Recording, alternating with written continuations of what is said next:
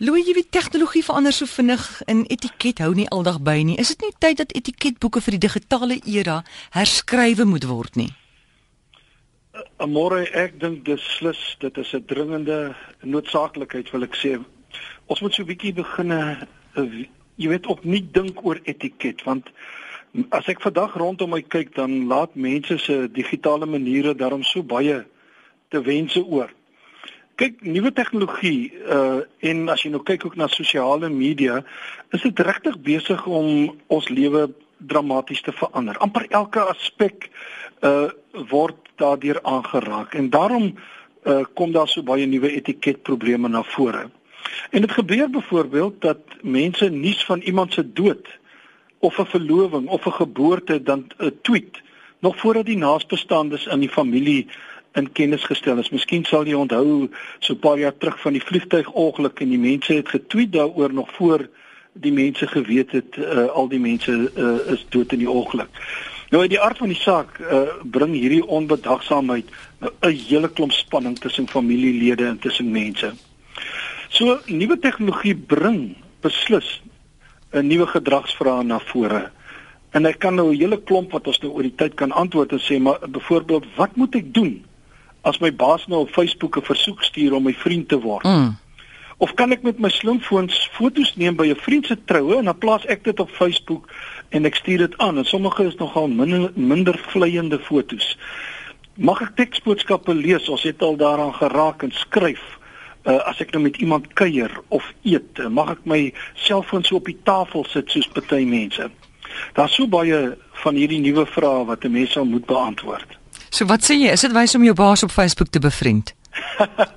Ehm um, wie jy dit gebeur so baie. Jy het 'n baas of 'n kollega jou vra en ek wil net een ding sê. Ten sterkste wil ek daarteen waarskyn sê as jy nou wil konflik vir my in die toekoms, los dit liewer.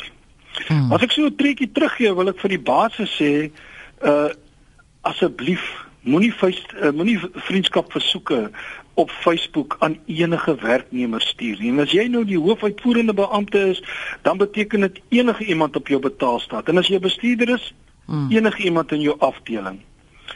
Uh daar was 'n onlangse opname amore en hulle het uh agtergekom dat 80% van die deelnemers gesê dis 'n slegte idee. Hulle is so jammer hmm. hulle het dit gedoen.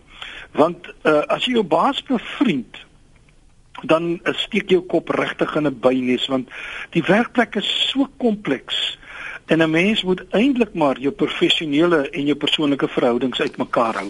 Nou as ek nou nee sê vir my baas, skuis tog uh, Louis. Ja, ja. Uh, ek is so bang jy, gaan dit dan nie nou die verhouding betroebel nie? Ja, kyk as jy nou nee sê as jy heeltemal reg. Kyk, dan ek wil net sê daar sit jy tussen twee vure. Uh as jy jou baas ignoreer, dan sê hy o, gits uh, uh, jy respekteer my nie. Hmm. of uh, is daar iets wat jy dalk wil vir my wil wegsteek jy weet? So dan het jy nie moeilikheid. As jy dit aanvaar dan moet jy baie goed seker maak dat dan nooit iets op Facebook geplaas word wat onprofessioneel is nie. En jy kan maar net hoop jou vriende laat jou ook in die steek nie maar nou weet jy wat doen vriende? Hulle plaas allerlei foto's van jou uh, daar op Facebook. Ja, en jy kan stappe doen om dit te beperk. Uh, wat mense sien, maar ons weet almal hierdie privaatheidstellings uh werk nie perfek nie. En my raad aan werknemers is daarom om nie die versoek van jou baas te ignoreer nie. Dit is 'n baie baie dwaase ding om te doen. Maar bied aan dat jy eerder op die professionele netwerk LinkedIn koppel. Hmm. En dan noem jy aan jou baas dat Facebook is eintlik maar net uh, gereserveer vir jou persoonlike lewe. En jy gaan as 'n mens gaan kyk na in Amerika, is daar 'n hele klomp state, onder andere Oregon, wat dit verbied. Hulle sê 'n uh, 'n werkgewer mag nooit 'n werknemer versoek om om uh, om hulle te bevriend nie. Hulle mag nie eens vra om hulle goed te keer nie. Jy weet daardie duimpie uh, wat sê mm. like. Mm. Hulle mag dit nie doen nie. Ek dink dis 'n baie sensitiewe saak en 'n mens moet dit nie doen nie. En sien nou maar jou werknemer wil wil jou pel raak, jy wat die baas is? Dan geld dieselfde. Dan sê ek vir hom, luister, uh, kom ons koppel op LinkedIn eerder, maar Facebook is vir my persoonlike privaat lewe. Ek wil ek wil uh, liewer maar werk en privaat lewe skei. Hmm.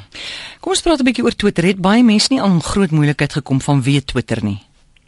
O ja, baie beslis. Kyk, Twitter is 'n wonderlike uh, kommunikasiemiddel. uh, maar die vermoë om boodskappe oombliklik in die wêreld in te stuur, wil ek vir jou sê, het al tot talle verleë oomblikke gelei en dit het al mense hulle werk gekos. My raad is om te onthou dit is 'n openbare medium en jy moet jou woorde uiters versigtig kies. Uh Twitter het dan ook al wil ek sê vir maatskappye nagmerries veroorsaak. Kyk tydens die die die sokker uh, wêreldbeker hmm. het die lugredery KLM die woorde adios amigos getweet na Nederland se dramatiese oorwinning oor Mexiko. En onmiddellik het duisende Meksikane hulle ongelukkigheid te kenne gegee en gesê hulle sal nooit weer met KLM vlieg nie. Ja. En KLM moes om verskoning vra. Hulle moes die tweet uitvee. Uh nou ja, dit was te laat. Skade was reeds gedoen. En dit is dit is wonderlik dat maatskappye ook sosiale media benut. Maar ons moet versigtig wees want jy praat eintlik namens 'n handelsmerk. Hmm. So ons moet baie versigtig wees. Ek wil maar net sê wees uiters versigtig wat jy skryf. Uh, Herman sê vir my verlede week, uh, hy sê een van die beste goed wat gebeur nou met sosiale media is dat almal hulle mening kan gee. En een van die slegste goed wat gebeur het, is dat almal ook nou hulle mening kan gee. Né? Nee? Dit is die probleem en ek dink nie mense het uh, regtig die onderskeidingsvermoë oor wanneer moet ek praat en wanneer moet ek ja, nie praat. Ja, ja. Ek dink dit is so. Hmm. Dit is so dat dit uh, dit word baie algemeen. So, kyk het jy gesien wat met Trevor Noah die komediant gebeur het uh hierdie naweek? Nee. Hy sit op 'n vliegtyg Skotland toe. Volgende oomblik uh, is 'n ding op Twitter wat sê Trevor, ek is 'n tiener en ek verwag jou kind. Oef. Uh, hy tweet toe terug en hy sê, "Die een oomblik sit ek op 'n vlug Skotland toe en die volgende oomblik is ek 'n pa." En toe kom sy weer terug toe sê sy jy moet erken jy het met my geslaap. Ek verwag nou jou kind. Nou ek meen hoeveel sy hele loopbaan kan net daar in duie stort. En ehm um, dit was 'n verskriklike groot ding gewees en, en toe het sy net na die tyd gespeel met hom. Maar dit was toe die skade is gedoen. Die skade is gedoen, maar kyk ek sou natuurlik gesê het ek hoop nie hy het teruggetweet nie. Ek hy denk, het. Hy het. Uh, dit was dwaas want 'n mens moet dis wat wat 'n mens moet doen is jy moet sê luister hierdie gesprek moet ons liewer maar op 'n ander manier voer. Ons kan nie oh, ons kan dit nie so doen nie. Ons kan nie op toe. Dis 'n openbare medium en dis nie waar ek so iets. Ja, maar uh, dink maar dink jy hy kon daai getweet het terug vir haar? Hoorie ons moet dit na 'n ander um, platform toe vat hierdie gesprek. Dink jy nee, hy moes dit getweet gesprek na 'n ander platform na 'n private ja, uh, of ja. e-pos of 'n uh, private geselskamer of iets wat ek sal glad nie. Maar hy het nie eens geweet wie hierdie vrou is nie, Louis. Dis die ergste van alles maar dan ignoreer jy dit. Ja, hy in elk geval. Kom ons beweeg aan. Louis, as jy nou moet saamvat, wat is die kern waaroor goeie internetmaniere gaan? Ek dink uh, soos ons gesê het, elke nuwe tegnologie het mos maar sy uh, quota etiket dilemmas, maar ek dink as daar so 'n paar kernwaardes is wat ons net onthou en waaraan ons ek wil amper sê so 'n bietjie gehoor gee, dan sal dit ook al makliker gaan. Dit is die die waardes soos respek, eerlikheid, bedagsaamheid, vriendelikheid en beleefdheid. As ons dit in gedagte hou, hmm. gaan ons baie baie ver kom uh, ten opsigte van goeie maniere in die elektroniese era. Nou Louis gou vinnig van die os op die jas.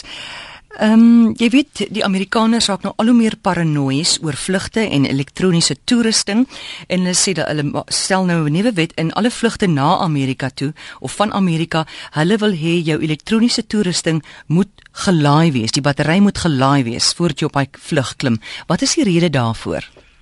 Môre die die die rede is en ek wil ook vir jou sê ek dink nie as net vlugte na Amerika toe ek het gehoor van die ander lugrederye gaan dit ook in werking stel. En dis maar gegrond op intelligensie wat hulle ontvang het.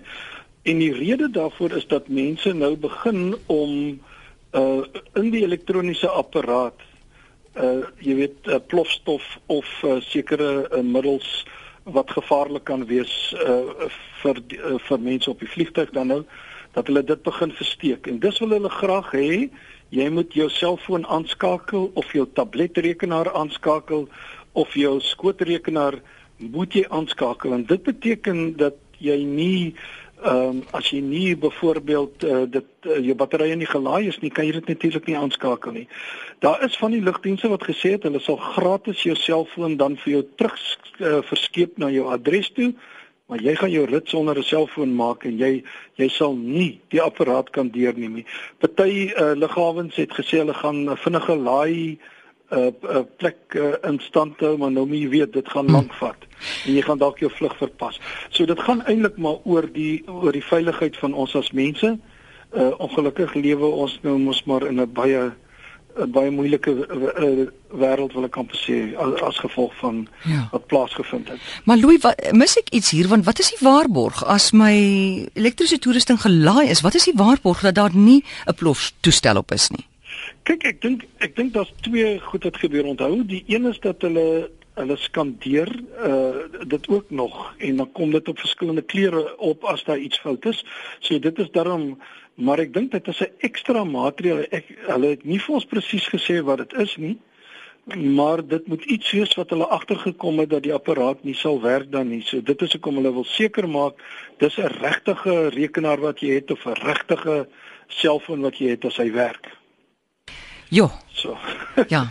Dit gaan al hoe langer eh, al hoe meer onsamehangend of langer raak om om om in te bespreek, né, vir 'n vlug, 'n internasionale vlug.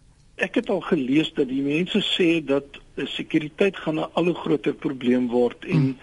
uh en dit is hoekom mense as jy nou in Europa kyk al hoe meer treinry en vlugte begine hmm. vermy want dit vat so lank om die sekuriteit te kom. Ja, ja. Louis man, dankie vir die gesels. Ons praat weer volgende week. Ja, ons gaan verder praat oor etiket. Wonderlik, ek dink nog so 'n uh, gesprek is nodig. Dis professor Louis Fourie en uh, hy is visierektor van kennis en inligtingstegnologie dienste by die Universiteit van die Wes-Kaap en ons het gepraat oor etiket in die digitale era.